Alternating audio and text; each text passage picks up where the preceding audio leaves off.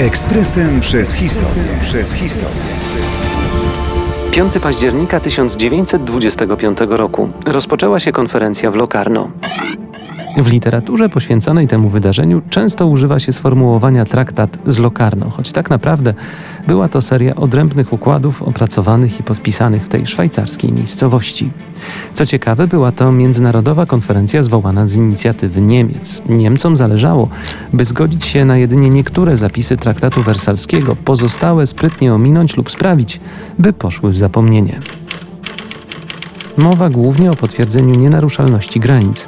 O ile te z Francją i Belgią zyskały ów status, o tyle władze niemieckie odmówiły gwarancji w odniesieniu do granicy z Polską czy Czechosłowacją. Powinien to być sygnał ostrzegawczy, ale niestety przegapiono go na zachodzie Europy. Francja czy Wielka Brytania, których przedstawiciele zjawili się w Locarno, dbały wyłącznie o własne interesy i zabezpieczanie swojego terytorium. Podpisane sojusze z innymi krajami miały już mniejsze znaczenie. Polacy zorientowali się, że powojenne granice w Europie mają różny status. Są te nienaruszalne i te, których nie obejmują żadne gwarancje.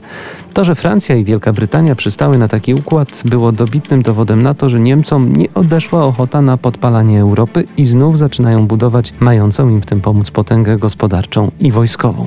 Tak, jakby hekatomby I wojny światowej w ogóle nie było. Co najwyżej myślano o niej w Niemczech w kategoriach resentymentów, co kilka lat później zacznie wykorzystywać Hitler. Francuzi pokładali wielkie nadzieje w Lidze Narodów i wydawało im się, że wciągnięcie tam Niemców, co ostatecznie nastąpiło w roku 1926, zmieni układ sił politycznych na starym kontynencie i zapewni pokój. Układ z Locarno był jedynie pozornym wzmocnieniem ligi. Raczej wytrącał jej z rąk argumenty na rzecz Niemiec.